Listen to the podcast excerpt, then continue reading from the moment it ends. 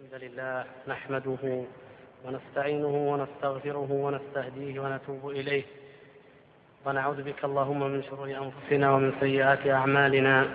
من يهد الله فلا مضل له ومن يضلل فلا هادي له. وأشهد أن لا إله إلا الله وحده لا شريك له. وأشهد أن محمدا عبده ورسوله صلى الله وسلم وبارك عليه وعلى آله وصحبه أجمعين. وبعد فكما تعلمون وفقني الله وإياكم لما يحب ويرضى ونفعنا وأنفعنا بما نسمع وما نقول. قد تحدثنا في الأسبوع الماضي عن حديث الدواوين الثلاثة وبينا أنه مع ضعف الحديث فإن معناه صحيح.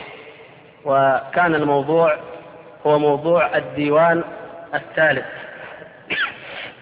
أو الديوان الثاني أليس كذلك؟ الذي لا يترك الله تعالى منه شيئا وهو ما يتعلق بحقوق العباد ومظالمهم. وذكرنا ما فتح الله تعالى به ويسر من كلام الله وكلام رسوله صلى الله عليه وسلم في شأن المظالم وحقوق العباد. ولعل في ذلك كفاية إن شاء الله تعالى. وننتقل الآن إلى ما بعده من قوله قول الشارح رحمه الله وقد اختلفت عبارات العلماء. وقد اختلفت عبارات العلماء في الفرق بين الكبائر والصغائر وستأتي الإشارة إلى ذلك عند قول الشيخ رحمه الله وأهل الكبائر من أمة محمد في النار لا يخلدون ولكن ثم أمر ينبغي التفطن له وهو أن, وهو أن الكبيرة قد يقترن بها من الحياء والخوف والاستعظام والاستعظام لها ما يلحقها بالصغائر وقد يقترن بالصغيرة من قلة الحياء وعدم المبالاة وترك الخوف والاستهانة بها ما يلحقها بالكبائر وهذا أمر مرجعه إلى ما يقوم بالقلب وهو قدر زائد على مجرد الفعل والإنسان يعرف ذلك من نفسه وغيره. وأيضا فإنه قد يعفى لصاحب الإحسان العظيم ما لا يعفى لغيره فإن فاعل السيئات يسقط عنه تسقط عنه عقوبة جهنم بنحو عشرة. الصف نعم. جهنم. فإن فاعل السيئات تسقط عنه عقوبة جهنم بنحو عشرة أسباب عرفت بالاستقراء من الكتاب والسنة.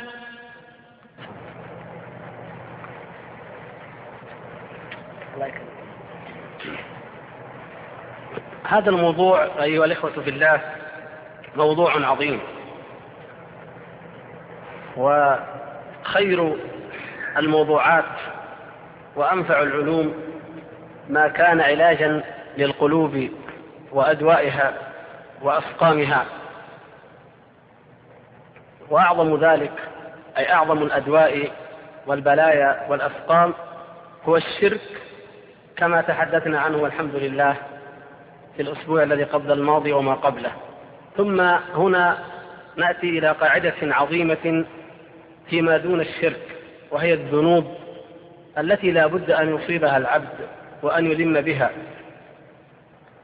هذه الذنوب أراد الشارح رحمه الله تعالى بعد أن ذكر الديوان الذي لا يغفره الله تعالى أبدا ثم ذكر الديوان الذي لا يترك الله تعالى منه شيئا أراد أن يبين الديوان الثالث وهو المظالم أو ظلم العبد لنفسه مع ربه تعالى في حق الله تعالى فيما دون الشرك. وما دون الشرك ينقسم إلى كبائر وإلى صغائر. وأحال موضوع الفرق بين الكبيرة والصغيرة إلى ما بعد. وهناك إن شاء الله تعالى سيأتي التفصيل بإذن الله ونذكر الأقوال في ذلك. وأظنكم يعني القضية هي قضية اختلاف الطبعات. يعني أنا عندي 500 524 مثلا بعض الطبعات بعض الإخوان تختلف عندهم الطبعات. نعم. يعني هي فقرة طويلة جدا أولها وأهل الكبائر من أمة محمد صلى الله عليه وسلم في النار لا يخلدون إلى آخره. فقرة طويلة وشرحها شرحا طويلا. ومن أحب منكم أو تعجل المعرفة في هذا الشأن الفرق بين الكبائر والصغائر قبل أن نشرحه هنا وهذا حسن جدا أن تقرأوا قبل أن نشرح فليراجع الجواب الكافي أو الداء والدواء على إحدى الطبعتين. ففيه تفصيل لذلك وسنعرض له إن شاء الله تعالى ولغيره عندما نصل إلى هذا الموضع. لكن الشارح هنا بعد أن أشار إلى ذلك ذكر هذا الاستدراك العظيم الذي هو قاعدة من قواعد تعامل القلوب مع رب القلوب تبارك وتعالى. قال ولكن ثم أمر ينبغي التفطن له. هنا قضية مهمة. ينبغي أن يتفطن لها عباد الله. ولا يجوز أن يتغافل عنها من يسر الله تبارك وتعالى له أن يعرفها. قاعدة عظيمة من القواعد التي استخرجها أمثال هذا العالم الفاضل ومن نقل رحمه الله عنهم رحمهم الله أجمعين.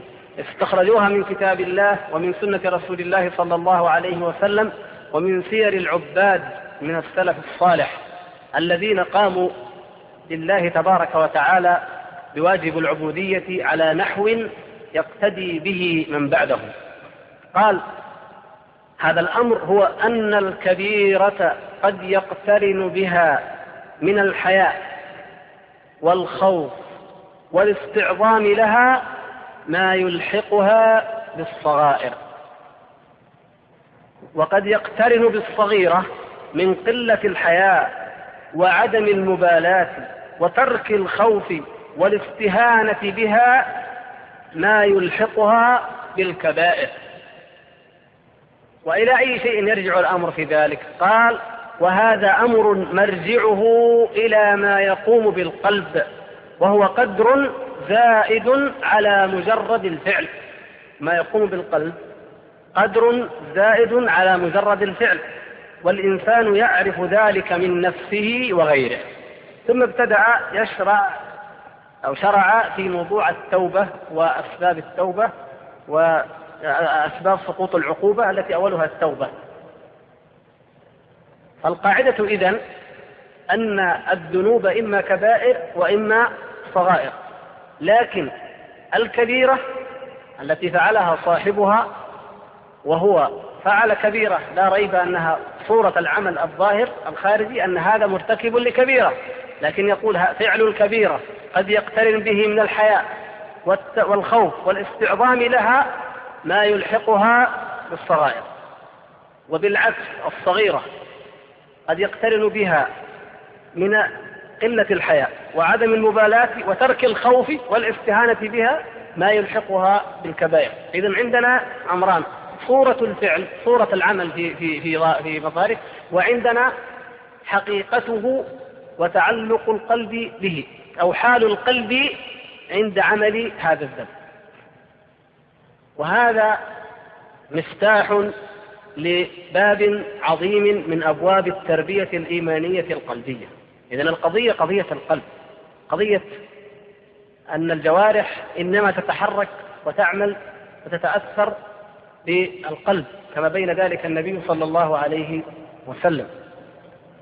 ولذلك فمن الواجب إصلاح القلوب لأنها محط ومحل نظر الرب من العبد. يقول بعض العلماء وهي حكمة عظيمة مأثورة رب معصية أورثت ذلا وانكسارا خير من طاعة أورثت عزا واستكبارا. المسألة ليست صورة العمل. بعض الناس قد يعصي وتكون هذه المعصية سبب الخير بداية الخير بداية التوبة في حياته بداية الهداية موبقة كبيرة ذنب فعله فكانت بداية الهداية بإذن الله تبارك وتعالى.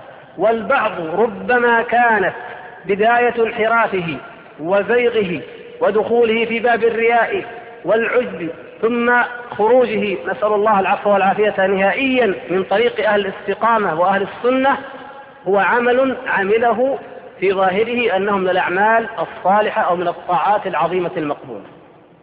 إذا يجب على الشاب المؤمن وعلى من يريد تنقية قلبه وعلى كل من يحرص على تقوى الله سبحانه وتعالى أن يتنبه إلى هذه القضية وإلى هذه الحقيقة.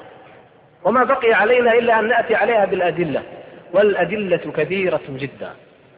كثيرة مما ثبت وصح في الوحي وكثيرة من واقع الناس من المشاهد من أحوال الناس الذين كانوا على ذنوب وعلى فجور ثم تابوا واستقاموا والذين كانوا على طاعة وعلى خير وطلب علم ودعوة ثم انحرفوا وحاروا. نسأل الله العفو والعافية. ولذلك نستطيع أن نذكر الإخوان بشواهد وأدلة كثيرة على هذه القاعدة. أن بعض الناس إنما يكون سبب هدايته وبدايتها بإذن الله موبقة أو كبيرة أو ذنب أو سيئات عملها. فتكون هذه هذه الذنوب لما قارنها خوف الله تبارك وتعالى واستعظام هذا الذنب والنظر إلى عظمة من عصى. والخوف من الرب الجليل من العزيز الجبار المتكبر. بهذه بهذه الإحاطة بما أحاط بها من هذه الأمور تحول الأمر إلى طاعة وانقلبت الغواية إلى هداية واستقامت بإذن الله سبحانه وتعالى. أقول سبق عندنا حديث عظيم جدا وذكرنا اختلاف العلماء فيه وجوابه الصحيح هو ما ذكر الآن. هل تذكرون هذا الحديث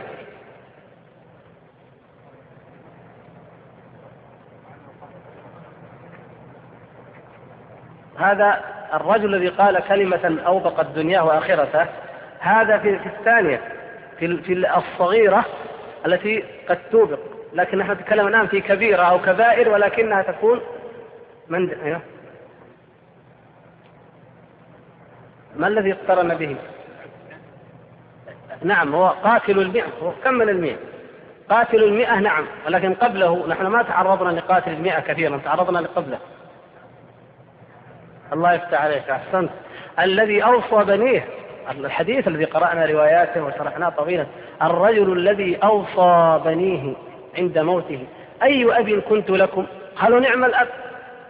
هو رجل كما جاء في إحدى الروايات قرأناها أسرف على نفسه في المعاصي. إذا الرجل هذا رجل مسرف عاصي. أدركته الوفاة. أخذ يقلب صفحات العمر وإذا كلها سواد كلها ظلام كلها موبقات كلها ذنوب. قال فما الحل؟ ما الحل؟ فاقترن إذا في هذه اللحظة جاءه الخوف من الله سبحانه وتعالى واستعظام الذنب واستجوال اللقاء. كيف ألقى الله وأنا بهذه الذنوب مع أنه ارتكب ذنبا آخر ووقع في غلط عظيم ولكن بسبب هذا الاستعظام وهذا الخوف وهذا الحياء غفر ذنبه المتأخر وذنوبه المتقدمة. ما هو الذنب العظيم الذي وقع فيه والخطأ الجليل؟ لما قال أو ظن ظن أن الله لن يقدر عليه. إذا أنا مت فاجمعوا الحطب واحرقوني هكذا أوصى أبناءه ثم ذروني في الهواء.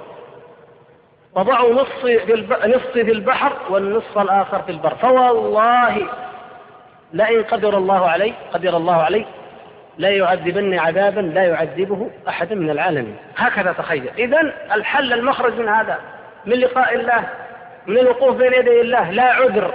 ولا حجة كلها ذنوب كلها معاصي كلها إسراف الحل. قال الحل هو هذا يا أبنائي أن تحرقوا هذه هذا الجسد وتذروه في الهواء وتفرقوه في البر والبحر. فحينئذ هكذا يظن لن يقدر الله تعالى على جمعه. كيف يجمعه؟ فإذا كأنه ينساه فينتهي. هذا المخرج هذا الذي ظن. مع أن هذا المخرج ليس بمخرج مع أن الله سبحانه وتعالى الذي هو على كل شيء قدير قال كن فكان اجتمع ما, اجتمع ما في البر وما في البحر وكان وأحياه الله سبحانه وتعالى وهو الذي أنشأه أول مرة ولم فعلت؟ لما؟ السؤال الآن ليس عن الموبقات ولا عن الذنوب الأولى عن هذه المصيبة الكبرى التي أوصى بها.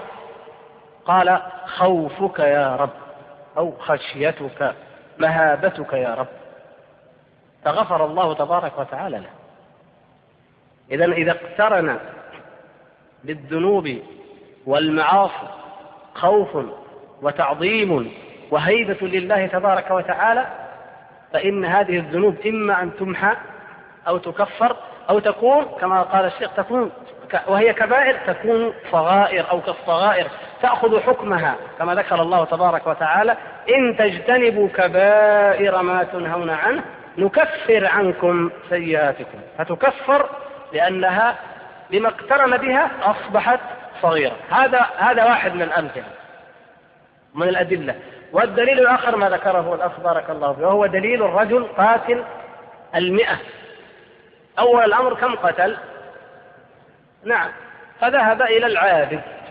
وهذا من الأحاديث التي يستدل بها على كثرة ما فيه من الحكم والدلالات من أعظم دلالاته وحكمه وعبره فضل العالم على العابد أي العابد المجرد عن العلم.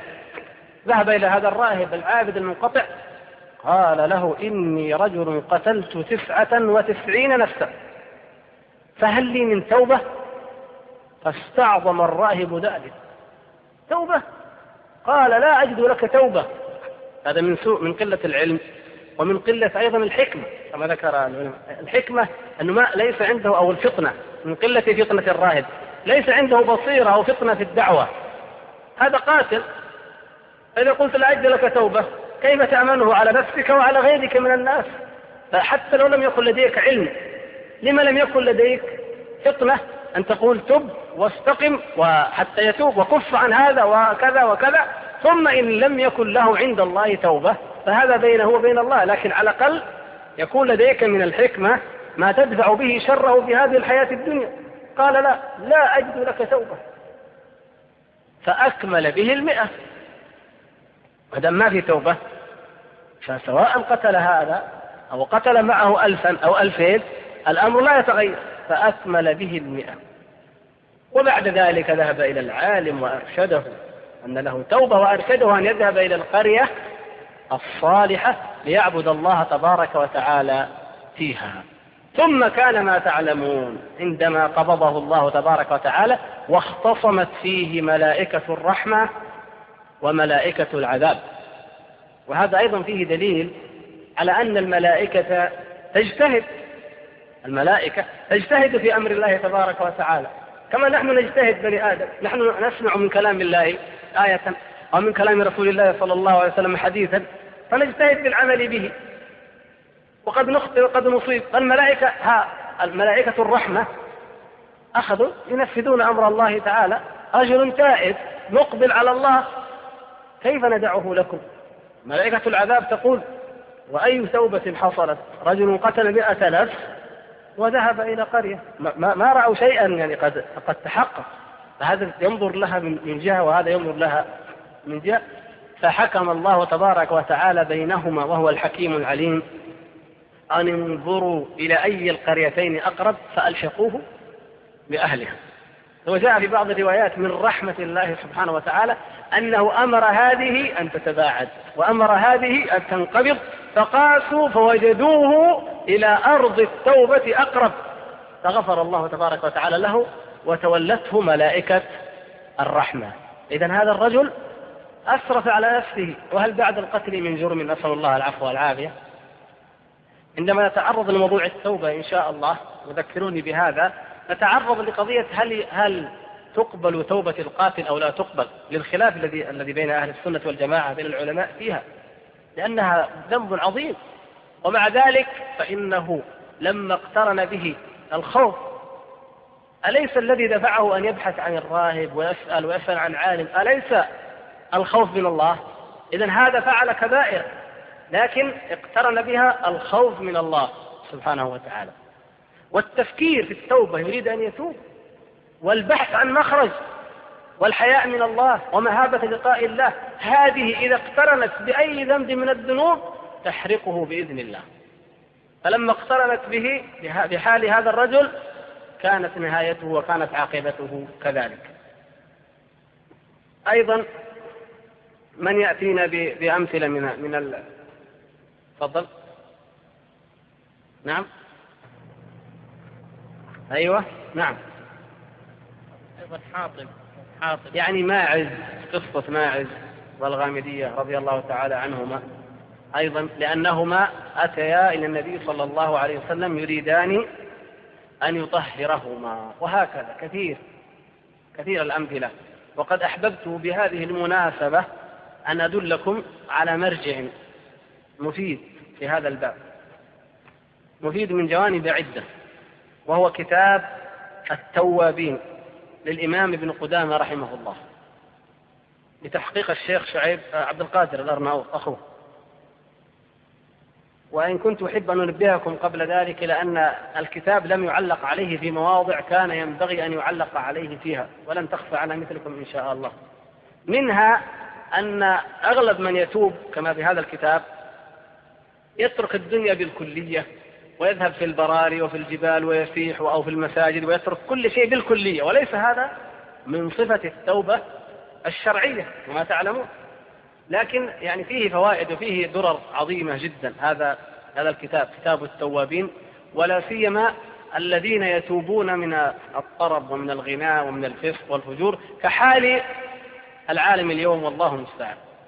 ونقتصر على ذكر أو عرض بعض التوبات التي تتعلق بحال العاصي الذي من خلال معصيته وبعد معصيته اهتدى يعني المناسب لموضوع الدرس اليوم. أما مجرد التوبة فالتوابون كثيرون والحمد لله.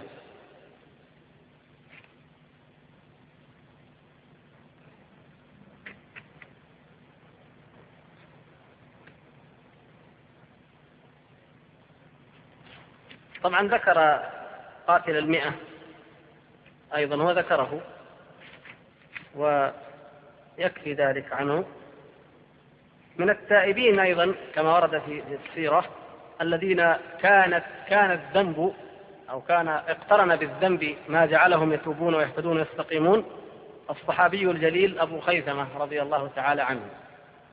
نقل آه، هو يروي بالسند الإمام ابن قدامة رحمه الله عالم محدث فقيه بارع كما تعلمون. ولذلك يروي القصص التي يوردها بالأسانيد إلى منتهى السند سواء كان إلى النبي صلى الله عليه وسلم أو إلى أحد العلماء من المؤلفين أو إلى كتب يعني رواة الإسرائيليات وأخبار بني إسرائيل إن كان الحديث ينتهي إليهم أو السند ينتهي إليهم. وهو كما تعلمون من الأئمة المجاهدين ابن قدامة رحمه الله كان مع صلاح الدين الأيوبي في معاركه. ومع ذلك كتب المغني الذي ترونه وهو من أعظم وأنفع كتب الفقه المقارن. وغير ذلك له من المؤلفات النافعة مع الجهاد وله هذا الكتاب. فذكر بإسناده إلى ابن إسحاق المعروف صاحب السيرة. يقول تخلف أبو خيثمة أحد بني سالم عن رسول الله صلى الله عليه وسلم في غزوة تبوك حتى إذا سار رسول الله صلى الله عليه وسلم رجع أبو خيثمة ذات يوم إلى أهله. ما كان قصده يذهب. والتخلف هذا ما حكمه؟ كبيرة ما كان لأهل المدينة ومن حولهم.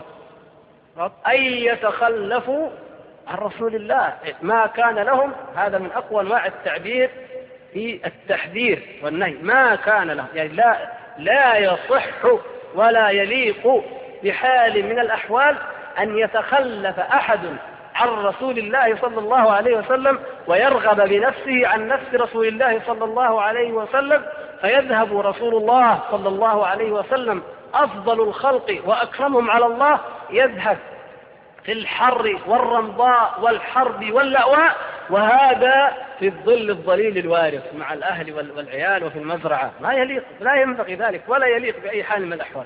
لكن هذا الذي لا يليق ولا ينبغي وقع فيه أبو خيثمة رضي الله تعالى عنه. فعاد إلى امرأتين له. كان كان لديه زوجتان. في عريشين له في حائط. وكما تعلمون كانت الغزوة في شدة الحر كما جاء في حديث الثلاثة. في شدة الحر والقيض وكما جاء في القرآن لما قال المنافقون لا تنفروا في الحر. فرجع. ما كان عندهم الآن مغريات مثلنا. يعني لما تقرأ المغريات اللي كانت في عصر الله المستعان. المغري كله انه أن كل منهما لديها عريش. ورشة الماء من حوله فكان بارد. بارد بالنسبة لهم بالنسبة لنا لا يعد برادا ولا من البراد بشيء. فوجد امرأة أتى امرأتين في عريشين له في حائط الحائط يعني المزرعة البستان. قد رشت كل واحدة منهما عريشها وبردت له فيه ماء وهيأت له طعاما. بردت الماء بالطرق البدائية جدا كما تعلمون وهيأت الطعام وتعالى يا أبا خيثمة. يعني الزوجة والبراد والعريش والماء البارد والطعام هذه غاية المغريات المثبطات في زمانهم. ثم قال فلما دخل قام على باب العريش ينظر. الآن استيقظت الذنب وقع لكن حفت به هذه القرائن. وقف على باب العريش ينظر. ثم قال رسول الله صلى الله عليه وسلم في الضحي والريح والحر يعني بالضح إيش؟ الشمس شدة حر الشمس. ضحوت له كي أستظل بظله إذا الظل أضحى في القيامه ناقصا قال وأبو خيثمة هذا يقول عن نفسه رسول الله صلى الله عليه وسلم في الضحي والريح والحر. وأبو خيثمة الآن يخاطب نفسه أبو خيثمة في ظل وماء بارد وطعام مهيأ.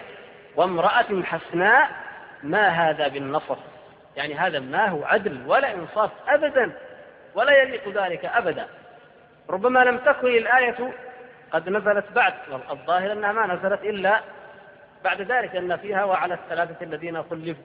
فهو لكن هو عرف أن هذا لا يليق ولا يحق في حال من الأحوال أن يكون رسول الله صلى الله عليه وسلم كذلك وأن يتخلف عنه أبو خيثمة ويرغب بنفسه عن نفسه ويتمتع ورسول الله صلى الله عليه وسلم في تلك الحال. قال والله لا أدخل عريش واحدة منكما حتى ألحق برسول الله صلى الله عليه وسلم. فهيئا لي زادا ففعلت ثم قدم ناضحه فارتحل ثم خرج في طلب رسول الله صلى الله عليه وسلم فأدركه حين نزل تبوك. ثم تعلمون آخرها لما رأى النبي صلى الله عليه وسلم الراكب من بعيد فقال كن أبا خيثمة. فذهبوا فوجدوا فقالوا يا رسول الله هو أبو خيثمة. وقال رسول الله صلى الله عليه وسلم أولى لك أبا خيثمة. ثم أخبره الخبر فدعا له رسول الله صلى الله عليه وسلم. إذا هذا سبحان الله العظيم. كيف تتخيلون يا إخوان؟ لو أن أبا خيثمة خرج أول الأمر مع المجاهدين مع رسول الله صلى الله عليه وسلم.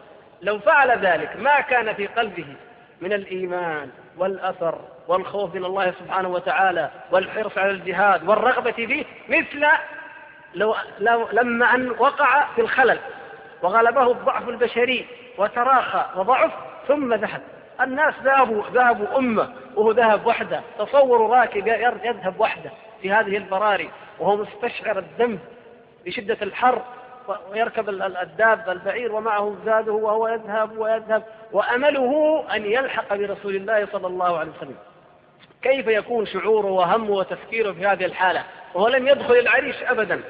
إذا قام بقلبه من حقائق الإيمان والتوبة والندم والاستغفار والحياء من الله تبارك وتعالى ومحبة رسول الله صلى الله عليه وسلم ومحبة اللحاق به. أمور عظيمة جدا. ربما بل قد نقول نعم ما كانت لتأتي لو أنه ذهب من أول الأمر مع الناس. فكان إذا في الذنب هذا وهو التأخر والتخلف كان خيرا. إذا فعلا رب معصية أورثت ذلا وانكسارا خير من طاعة أورثت عزا واستكبارا. المثال الآخر أيضا مثال أبي لبابة رضي الله تعالى عنه. وهذا حال المتقين دائما. الذين اتقوا إذا مسهم طائف من الشيطان تذكروا فإذا هم مبصرون. يعني الشيطان يمس إن للملك لمة وللشيطان لمة. لكن ميزة أهل التقوى وأهل الإيمان أن أنهم إذا لمت بهم اللمة يتذكر ويعود. هذا ما حدث لأبي لبابة رضي الله تعالى عنه. كما تعلمون قضيته. لما أرسلت قريضة ضغطت الله خلاص.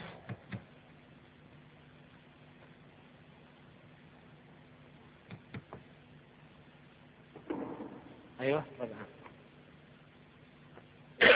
يقول لما أرسلت قريضة إلى رسول الله صلى الله عليه وسلم يسألونه أن يرسلني إليهم؟ حين اشتد عليهم الحصر دعاني رسول الله صلى الله عليه وسلم فقال اذهب إلى حلفائك فإنهم أرسلوا إليك من بين الأرض.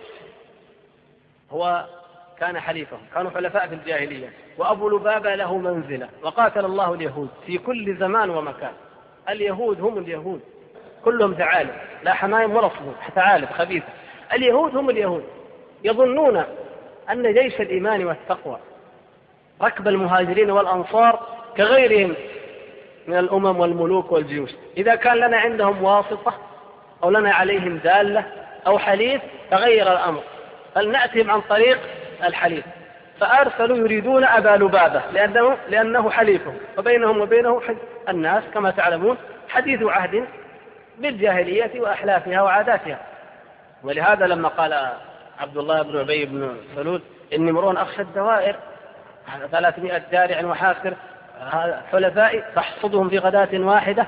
هكذا كانت الارتباطات والعلاقات الجاهلية ما تزال قريبة العهد بهم. قال قال اذهب إليهم. قال فدخلت عليهم وقد اشتد عليهم الحصار فهشوا إلي. اليهود جاءوا بهشاشة وترحيب؟ وقالوا يا أبا لبابة نحن مواليك دون الناس كلهم. أصحابك والعلاقات بيننا مثل ما تخبر يعني ما يحتاج. قال فقام كعب بن أسد فقال أبا بشير قد عرفت ما صنعنا في أمرك وأمر قومك يوم الحدائق ويوم بعاث وكل حرب كنتم فيها. يذكر بإيش؟ أيام الجاهلية كيف؟ وعملنا معكم الجمائل والفعائل الآن هذا وقت الشدة وقت ترجع المعروف. وقد اشتد علينا الحصار وهلكنا. ومحمد يأبى أن يفارق حصننا حتى ننزل على حكمه. النبي صلى الله عليه وسلم أبى إلا أن ينزلوا على حكمه على حكم الله ورسوله صلى الله عليه وسلم. فلو زال عنا لحقنا بأرض الشام أو خيبر ولم نكثر عليه جمعا أبدا. القضية أنك تخليه يتركنا ونحن نلحق بخيبر أو الشام نهاجر ولا يرى منا أذى بعد اليوم. فما ترى الآن يستشيرون أبا لبابة فما ترى فإن قد اخترناك على غيرك. إن محمدا قد أبى إلا أن ننزل على حكمه. قال نعم فأنزلوا. هو قال نعم فأنزلوا لأنه صحابي مؤمن لا يمكن أن يشير عليهم بغير ما قال رسول الله صلى الله عليه وسلم. هل يمكن أن يخالف حكم الله حكم رسول الله صلى الله عليه وسلم؟ أو يطلب منهم غير ما طلب رسول الله صلى الله عليه وسلم؟ لكن في آخر لحظة أخذته وقع الضعف البشري يقع حتى من هؤلاء الصحابة الأدلة. قال أنزلوا على حكمه ثم أومأ بيده. هكذا. قال إيش؟ الذبح يعني حكمه الذبح. فهو من حيث المقال قال الحق ونطق بالحق وقال انزلوا على حكمه. هكذا يجب أن يكون الإنسان وأن يقول. لكن أدركته أو يعني شيء من الحمية لهؤلاء. نظرا لقولهم إنك حليفنا ووثقنا فيك وفعلنا معك وفعلنا وعدد المآثر. واليهود قوم خداعون كذابون. فوقع فأومأ بيده. انزلوا لكن قال هكذا يعني الذبح. طيب يا أبا لبابة فعلت ذلك ولا أمامك إلا اليهود. من رآك يا أبا لبابة؟ لا أحد من الصحابة ولا رسول الله صلى الله عليه وسلم. طبعا نحن أهل السنة نؤمن أن النبي صلى الله عليه وسلم لا يعلم الغيب. هذه من العقائد القطعية. الذين يعتقدون أو يؤمنون أنه يعلم الغيب هؤلاء جعلوه إلها آخر. تعالى الله عما يشركون. فما أحد يعلم يا أبا لبابة أنت وحدك لكن لا القضية ما هي قضية وحدي ولا غير وحدي. استشعر الندم توا رأسا. نترك التعبير له وقال فندمت واسترجعت فقال كعب ما لك يا أبا لبابة فقلت خنت الله ورسوله كيف؟ ما حكم عليها أنها قضية؟ والله وقعت في غلط خنت الله ورسوله فنزلت وإن لحيتي لمبتلة بالدموع. من لحظتها؟ والناس ينتظرون رجوعي إليهم. النبي صلى الله عليه وسلم والصحابة أرسلوا أبا لبابة. يريدون أن يرجع. أين ذهب أبا لبابة؟ أبو لبابة. قال حتى أخذت من وراء الحصن طريقا آخر. ما رجع إلى النبي صلى الله عليه وسلم. يرجع وقد خانه. أبدا أبت نفسه أبى إيمانه أبت تقواه أن يفعل ذلك. وقع. نعم فقط لكن أراد أن يستدرك. والله تعالى أراد أن يجعل بذلك عبرة وإلا كان في إمكانه بما هو أهون من ذلك كما سيأتي من خبر الذي وصفه ربه تبارك وتعالى بالمؤمنين رؤوف رحيم. لكن ما ما فعل ذلك ما استطاع أن يواجه النبي صلى الله عليه وسلم. أخذ من طريق آخر بعيد ثم عاد حتى أتى المسجد فارتبط به أخذ رباطا من الشعر القوي وربط ذراعيه وربط نفسه في سارية من سواري المسجد وأحكمها. قال وبلغ رسول الله صلى الله عليه وسلم ذهابي وما صنعت. فقال دعوه دعوه حتى يحدث الله فيه ما يشاء. ليش؟ لأن هو اللي ربط نفسه. لو كان جاءني استغفرت له. فأما إذ لم يأتني وذهب فدعوه. هو الذي جنى على نفسه. لو جاء إلى رسول الله صلى الله عليه وسلم ولو أنهم إذ ظلموا أنفسهم جاءوك فاستغفروا الله واستغفر لهم الرسول لوجدوا الله توابا رحيما. هذه قيلت في من هو أعظم ذنبا وجرما من أبي لبابة وهم المنافقون الذين أعرضوا عن حكم الله. هذه غلطة وغلط تاب لكن لا هو حكم على نفسه فإذا لن يفكه إلا أمر يأتي من عند الله تبارك وتعالى. قال الزهري وارتبط أبو لبابة سبعا في حر شديد لا يأكل ولا يشرب وقال لا أزال هكذا حتى أفارق الدنيا أو يتوب الله عليه. يريد توبة صادقة. قال فلم يزل كذلك حتى يسمع الصوت من الجهد يعني حتى لا يكاد يسمع يبدو. ورسول الله صلى الله عليه وسلم ينظر إليه بكرة وعشية ثم تاب الله عليه فنودي إن الله قد تاب عليك وأرسل رسول الله صلى الله عليه وسلم إليه ليطلق عنه رباطه فأبى أن يطلقه عنه أحد غير رسول الله صلى الله عليه وسلم. يريد أن يأتي بيده الشريفة صلوات الله وسلامه عليه ليحل الرثاء فجاء رسول الله صلى الله عليه وسلم. قال الزهري فحدثتني هند بنت الحارث عن أم سلمة زوج رسول الله صلى الله عليه وسلم قالت رأيت رسول الله صلى الله عليه وسلم يحل رباطه وإن رسول الله صلى الله عليه وسلم ليرفع صوته يكلمه ويخبره بتوبته وما يدري كثيرا مما يقول له من الجهد والضعف. يعني ضعف سمعه وقواه انهارت وخارت لأنه موثق في هذه السارية عذاب نسأل الله أن يرحمنا. قال وقد كان الرباط حز في ذراعه. وكان من شعر وكان يداويه بعد ذلك دهرا. كان يداوي أثر الرباط في ذراعه دهرا. يعني أصبح جرحا غائرا وتلوث كما يقول الأطباء تلوث الجرح فظل يعالجه دهرا. الشاهد إذا إذا عرفناه من القضية. الذنب الخطأ وقع. فاقترن به من الخوف والحياء والمهابة والتعظيم ما جعل صاحبه يفعل ذلك؟ الفعل فكانت التوبة من الله تبارك وتعالى عليه وكان ذلك خيرا له فيما نرجو له عند الله سبحانه وتعالى من لو كان من الأصل لم يفعل شيئا من ذلك والله تعالى ثم ذكر توبات كثيرة. يعني كما قلت لكم الكتاب لو خلا مما فيه من مما يستوجب التعليق لكان نفعه عظيما جدا. ذكر توبة أيضا قريبة من هذا وهي توبة أم البنين بنت عبد العزيز ابن مروان.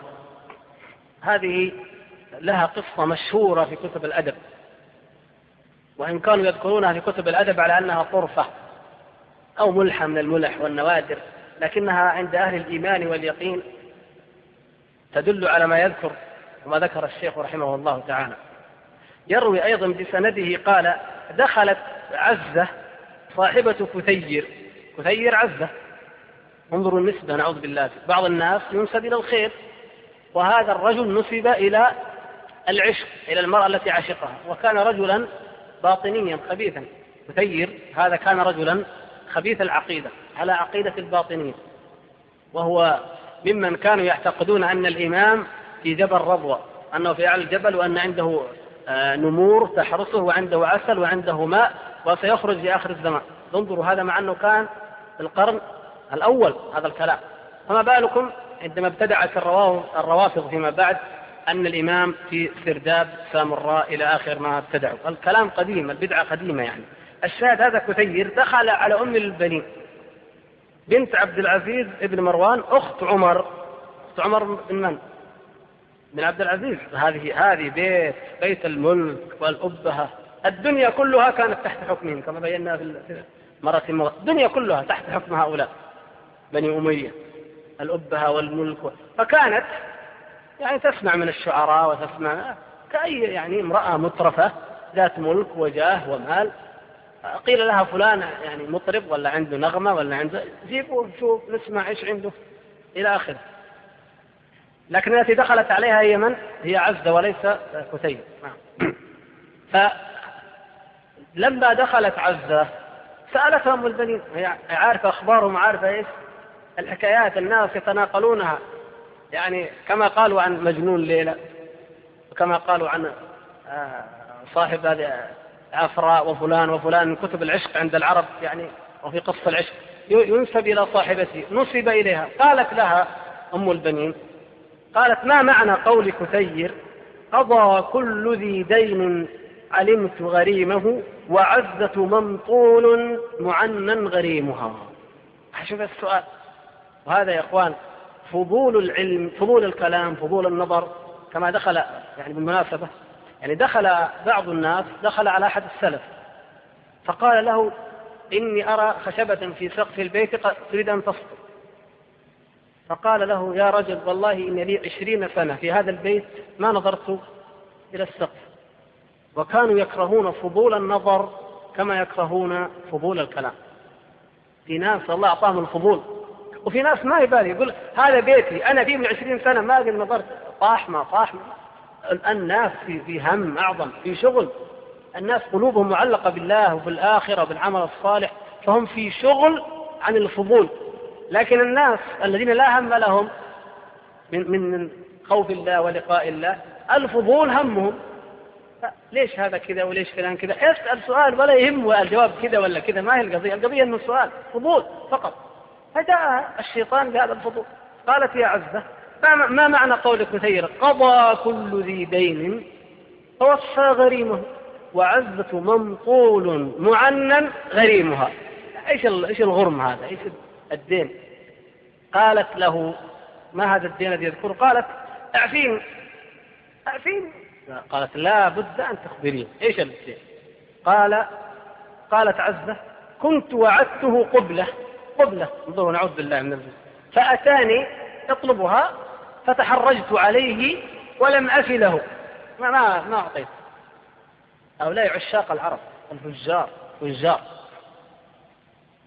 الذين كان هذا حالهم. وكثيرا ما لذلك يسمونه الهوى العذري أو الحب العذري. لأنه عندهم الحب على نوعين أو العشق على نوعين نوع إباحي ونوع عذري. الهوى العذري بزعمهم هو فقط الحديث والمزح والكلام دون أي شيء آخر. وهكذا كان كثير وعزه وطائفة من العشاق. والنوع الآخر هو إيش؟ الإباحي وهو الذي يؤدي عياذا بالله إلى ارتكاب الفاحشة. يعني هؤلاء كانوا من الموصوفين بالفجور. ما يعني هي منعها دينها أو حياؤها أو أصالتها عربيتها قبليتها أي شيء المهم منعها مانع أن تعطيه قبلة. رغم أنه يواعدها ويخلو بها ويتحدثان ويخبرها بما قال فيها من شعر ثم يرجع كل منهما إلى مكانه. فقالت هذا الشيء.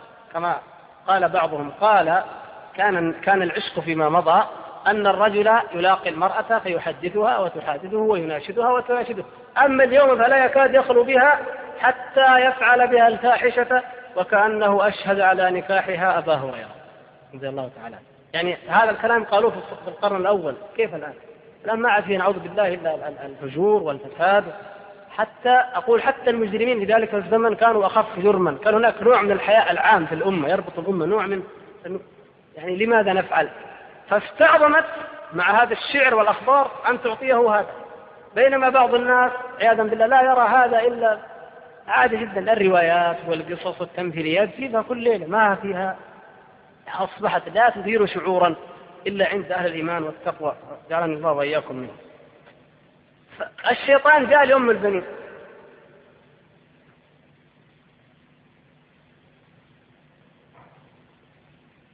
كانت تقدر تقول عرفنا القضية انتهينا عرفنا الدين خلاص لا جاء الشيطان. رغم أنها أمر الأمر قد ذهب وكثي في مكان وعز في مكان وانتهت بعد العهد فلا لها داعي لكن الشيطان أراد أن يوقعها. فقالت أم البنين أنجزيها منه وعلي إثمها. أعطيه وعلي إثمها وهي قبلة ما هي؟ فاحشة ما هي كما يظن بعض الناس يقول بسيطة لا كيف بسيطة؟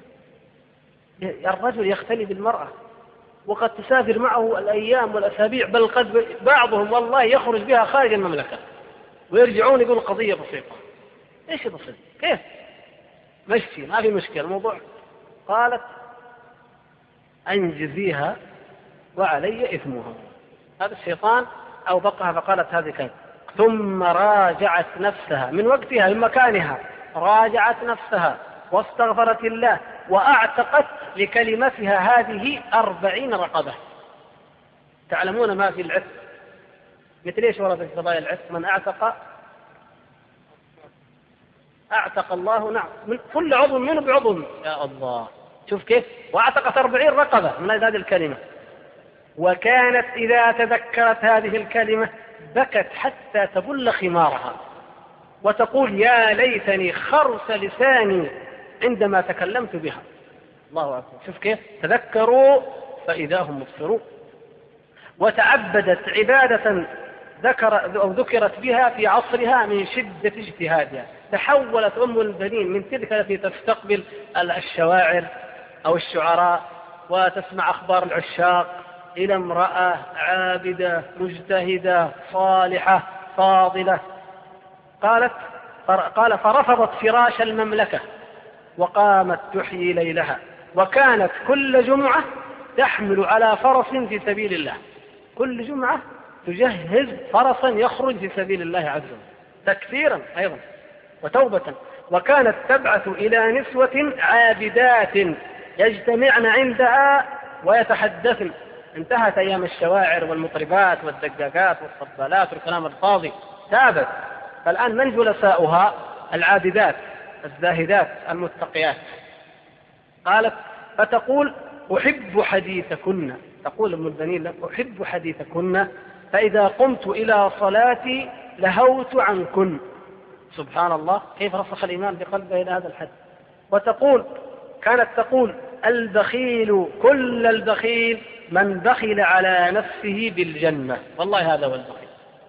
البخيل الناس إذا شافوا واحد عنده مال ولبس ثوب ما هو مناسب أكل أكل يعني جاف حاف قالوا بخيل تبخل على نفسك ما تكرمها. فتقول هذه معايير البشر أهل الظاهر الذين يعني يرون ظاهر الأمور. لكن حقيقة الأمر البخيل كل البخل أو كل البخيل من بخل على نفسه بالجنة. ما عمل لها ولا اجتهد لها وماذا تعادل الدنيا هذه كلها بالنسبة إليها؟ وكانت تقول جعل لكل إنسان نهمة في شيء. في بعض كل إنسان له نهمة. نهم بعضهم نهم في الطعام بعضهم نهم في النكاح بعضهم نهم في سماع الشعر مثلا بعضهم له هواية ذوق مزاج. قالت وجعلت نهمتي في البذل والإعطاء. والله للعطية والصلة والمواصلة في الله أحب إلي من الطعام الطيب على الجوع والشراب البارد على الظمأ. سبحان الله. جعل الله نهمتها في العطاء والبذل والإحسان. هذا هذا خير عظيم فك عليها. قال وهل ينال الخير إلا بالاصطناع وكانت على مذهب جميل حتى توفيت رحمها الله. إذا الشاهد يا أخوان واضح. نفس الشيء. نعم. هذه معصية وقعت ذنب وقع ولكن أعقب ذلك هذه التوبة وهذه الاستقامة وهذا الخير. وربما لم تكن لتنال ذلك الخير ولم ولا, ولا تحصل تحصل عليه لولا أنها لم تقع بتلك الكلمة. إن شاء الله تعالى ورد تذكرون أيضا عندما نتحدث عن التوبة ابن القيم رحمه الله ذكر ثلاثة عشر مشهدا من مشاهد العبد في الذنب هناك نذكر إن شاء الله ونعلق كيف بعض مشاهد الذنوب يعني مشهد أي مشهد تقفه في الذنب مع الله مشهد الخوف مشهد الإجلال ومشهد الحياة يعني الذنب وهو ذنب إذا وقعت فيه لا يذهب بك الشيطان القنوط واليأس من رحمة الله. في هذه الحالة قف فأنت في مشاهد عظيمة مع الله سبحانه في لحظة الذنب والخطأ هنالك موقف التوبة والضراعة والإنابة والذل والانكسار والعبودية مواقف عظيمة جدا. ولهذا كما قرأنا في كلام يحيى بن معاذ الأسبوع الأول هو وغيره من العلماء فضلوا حال التائب الذليل المنكسر على حال الطائع. لماذا؟ لأنه الطائع قد قد يدل قد يعجب. قد يغر بعمله. أما ذلك المنكسر الذليل المذنب الذي جاء يطرق الباب مسكين أين له؟ أين ملجأه؟ أين ملاذه؟ لا يتهم. لا يتهم لأنه جاء لا شيء يطلب يرجو. أما ذلك فربما أصابه شيء. وتحدثنا عن هذه المرة. آه القضية والقصة الأخرى والمثال الآخر قضية سلامة القصر. هذا رجل من القراء من شيوخ القراء كان آه، اسمه عبد الرحمن. وكان يلقب بالقس أو القسيس يعني كما يقال أبو عامر الراهب. أبو عامر العابد قيل له أبو عامر الراهب أو كما يقال الحبر. يعني الألفاظ أو أوصاف أهل الكتاب الحبر والراهب وأمثاله قد تطلق على من يقابلهم يعني من هذه الأمة. الرجل لعبادته كان يلقب بذلك. هذا من شدة العبادة. فكان هو الرجل كان عبد الرحمن القارئ عند أهل مكة من أفضلهم. عبادة وأظهرهم تبتلا.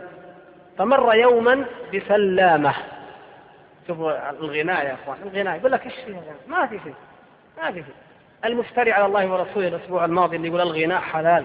والنبي صلى الله عليه وسلم كان يسمعه وغيرهم اعوذ بالله يفترون على الله ولا يبالون الغناء هذا اللي يعني مثل ما قال ابن الجوزي رحمه الله والله يتعجب لما قريت كلامه. ابن الجوزي في تلبيس إبليس. يقول الغناء الذي بعض السلف كرهوه أو أباحوه أو كذا غير الغناء في زماننا هذا. هذا ابن الجوزي. يقول عندنا الآن الشبابه والعود والدف وأضافوا إليها الألحان والأنغام. إيش عند ابن الجوزي؟ إيش كان في ايامه بالنسبة لنا الآن؟ الآن يسموها فرقة. فرقة فعلا فرقة. فرقة فلان. لما يجيبون يجيبون بطيارة خاصة لأنها فرقة. وآلاتها وأمورها. سبحان الله. فرقة. عشان زواج ولا عشان تميت تميت حفلا من الحفلات أو تميت أمة من الأمم تميت قلوب أمة. انظروا هذا الغناء الذي كثير من الناس لا يبالي به. التلفزيون يغني والإذاعة تغني والشريط يغني وهو يغني حتى لما يقفل السيارة يمشي للدكان يغني حتى يوصل ليشتري غاض كل الحياة أصبحت غناء نعوذ بالله. هذا عابد قارئ عالم زاهد مر بهذه الجارية. وكانت لرجل من قريش. فسمع غناءها.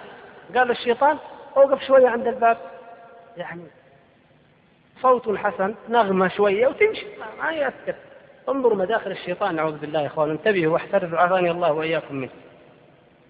فأطل مولاها وإذا عبد الرحمن وعند الباب فقال له هل لك أن تدخل فتسمع؟ فتأبى عليه.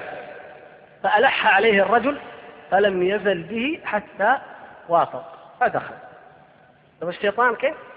فقال أقعدني في موضع لا أراها ولا تراني. هو الحمد لله عنده من الإيمان ويخاف الفتنة. هذا اللي يقول لك بعض الشباب في, الطب وفي الخطوط وما أدري فين. يعني إحنا نبعد عنها نحاول نبعد عنها. الحمد لله الواحد يجتهد ما استطاع لكن القضية هذه النساء فتنة فتنة يا إخوان. ما تركت بعدي فتنة هي أضر على الرجال من النساء وهو وهو الذي بالمؤمنين رؤوف رحيم صلوات الله وسلامه شفيق على هذه الأمة وحذر من هذه الفتنة. المال والنساء. لا يقول واحد والله ما يمكن أبدا. يبدأ قليلا قليلا يأخذ اللي يبقى في الهلل من الهلل في الصندوق وفي النهاية يأكل نصف المشروع. وبدأت بالهلل لكن انتهت بالمليارات والملايين. كلها كذا وكذلك الزنا. نعوذ بالله والفواحش. يعني صوتها وبعدين نجلس بعدين يكون كما قال أحمد شوقي نظرة إلى آخره قال أقعدني بموضع لا أراها ولا تراني حرام شوفها. لكن الصوت يعني الله يغفر مرة هذه ونمشي ما عاد ما دام حرجتنا ما عاد نعيدها إن شاء الله. قال فدخل فتغنت فأعجبته فقال مولاها هل لك أن أحولها إليك؟ شوية تبعدون يعني فأتأبى وامتنع فلم يزل به أيضا حتى وافق ما في خلوة وأنا وياك وأنا وياك موجودين ما في مشكلة. إذا فجاءت فجلست أمامه. فلم يزل يسمع غناءها حتى شغف بها وشغفت به. وعلم ذلك أهل مكة. الله يا إخوان استر علينا وعلينا الله لا يفضحنا نعوذ بالله. الخبر السيء ينتشر في الآفاق نعوذ بالله. نسأل الله أن يستر علينا ذنوبنا وعيوبنا. انتشر على طول. تسامع عبد الرحمن أيوه القصف. نعم القصف. والله سمعها وصار الله. وانتشر في كل مكان. نعوذ بالله. وأخذ المجرمون والشعراء من ذلك مجالا للقصائد كما في كتاب الأغاني وأمثاله. يأتوا بأشعار. الشافعي احب أو سمع أو أفتغ. يعني انه الشافعي قال هل على علي من في حرج من حرج؟ قال لا حرج إن شاء الله.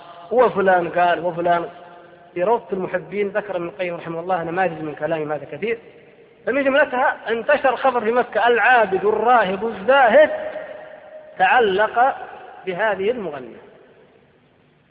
حتى أنها مرة قالت يعني بدأ الشيطان ينسج ما بينهما ولكن أراد الله سبحانه وتعالى أن تكون تلك بداية التوبة والانقطاع.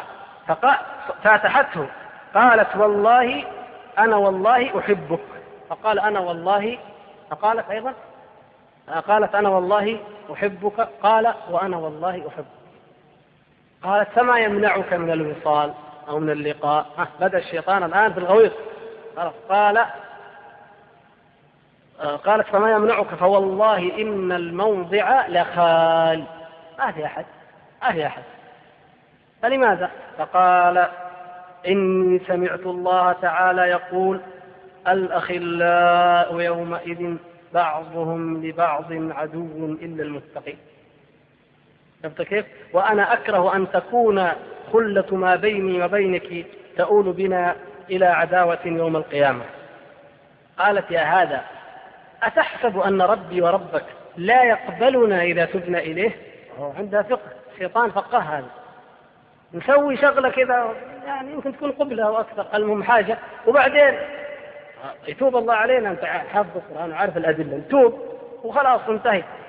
قال بلى بلى يتوب يتوب علينا لو تبنا. ولكني لا آمن أن أفاجأ. ما أدري أنا أموت فجأة. شوف الناس كيف. ثم نهض وعيناه تذرفان فلم يرجع بعد. وعاد إلى ما كان عليه من الموت سبحان الله. وعاد وهو أشد إيمانا وتقوى وخوفا على نفسه وعلى أذنه وعلى عينه من الفتنة.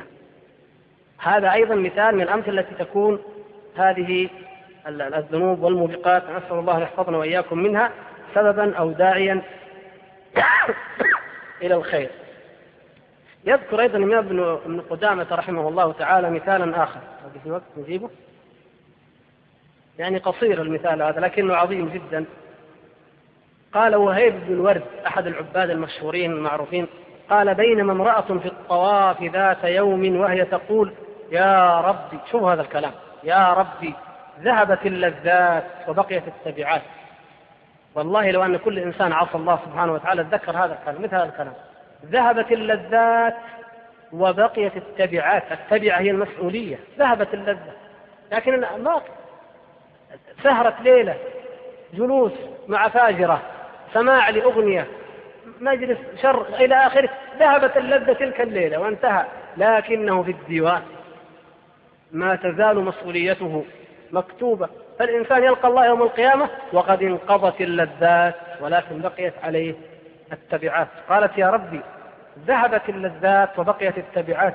يا ربي سبحانك وعزتك إنك أرحم الراحمين. يا ربي ما لك عقوبة إلا النار؟ الله أكبر. شوف لما الله تعالى أيقظ قلبها بالإيمان. يا ربي ما لك عقوبة إلا النار؟ لأنها تذكرت. ليس بعد هذه الدار من دار إلا الجنة أو النار. فتعجبت لا إله إلا الله. ما لك من عقوبة إلا الله؟ يعني لا ما في أي مخرج آخر؟ لا. إما الجنة فمن زحزح عن النار وأدخل الجنة فقد فاز. هذا فاز. لكن إن كانت النار فما هي النار؟ لو سيرت فيها جبال الدنيا لزادت من شدة حرها. نعوذ بالله. ما, ما في غير كذا. ما في. أبدا. لو أن كل عاص تذكر هذا. ما فيه إلا النار.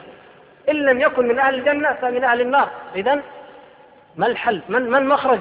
قالت يا ربي يا ربي ذهبت اللذات وبقيت التبعات. يا ربي سبحانك.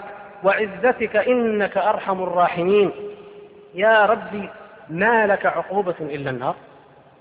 وكان معها امرأة أخرى صالحة تمشي معها قالت يا أخية دخلت بيت ربك اليوم؟ تظن دخلت الكعبة. قالت والله ما أرى هاتين القدمين أهلا للطواف حول بيت ربي فكيف أراهما؟ أهلا أطأ بهما بيت ربي وقد علمت حيث مشتا وأين مشتا؟ سبحان الله العظيم. تذكرت أن هذه القدمين مشت إلى معاصي إلى فجور إلى كذا. والآن جاءها الندم. فكان تذكرها لتلك المعاصي والذنوب أعظم دافع بتوفيق الله سبحانه وتعالى أن تستقيم وأن تستشعر هذا الشيء. انظروا إليها امرأة عامية ما عندها كثير علم. كما قال الأعرابي لا أحسن دندنتك ولا دندنة معاذ. لكن عندها هذا الفهم العجيب فهم عجيب. ما لك عقوبة إلا النار. شيء عجيب لو أن العاقل تفكر هذه العبارة الصغيرة والله ما تكفي عبر لأي معتبر. ما لك عقوبة إلا النار. يعني لو أن هناك مخرج آخر لو أن هناك ملاذا أو أو ملجأ لا إلا النار. إن لم تكن من أهل الجنة فإنها إلى النار. والنار هي ما علمنا. إذا يا رب أين أين الملاذ؟ أين المهرب؟ أين المنجا فلذلك يعني تابت وحسنت توبتها وكانت على ذلك. الوقت كما ترون والكتاب يعني قيم حقيقة كما قلت لكم لو أنه يعلق يعني عليه لوجدتم يعني فوائد عظيمة جدا. نسأل الله الكريم رب العرش العظيم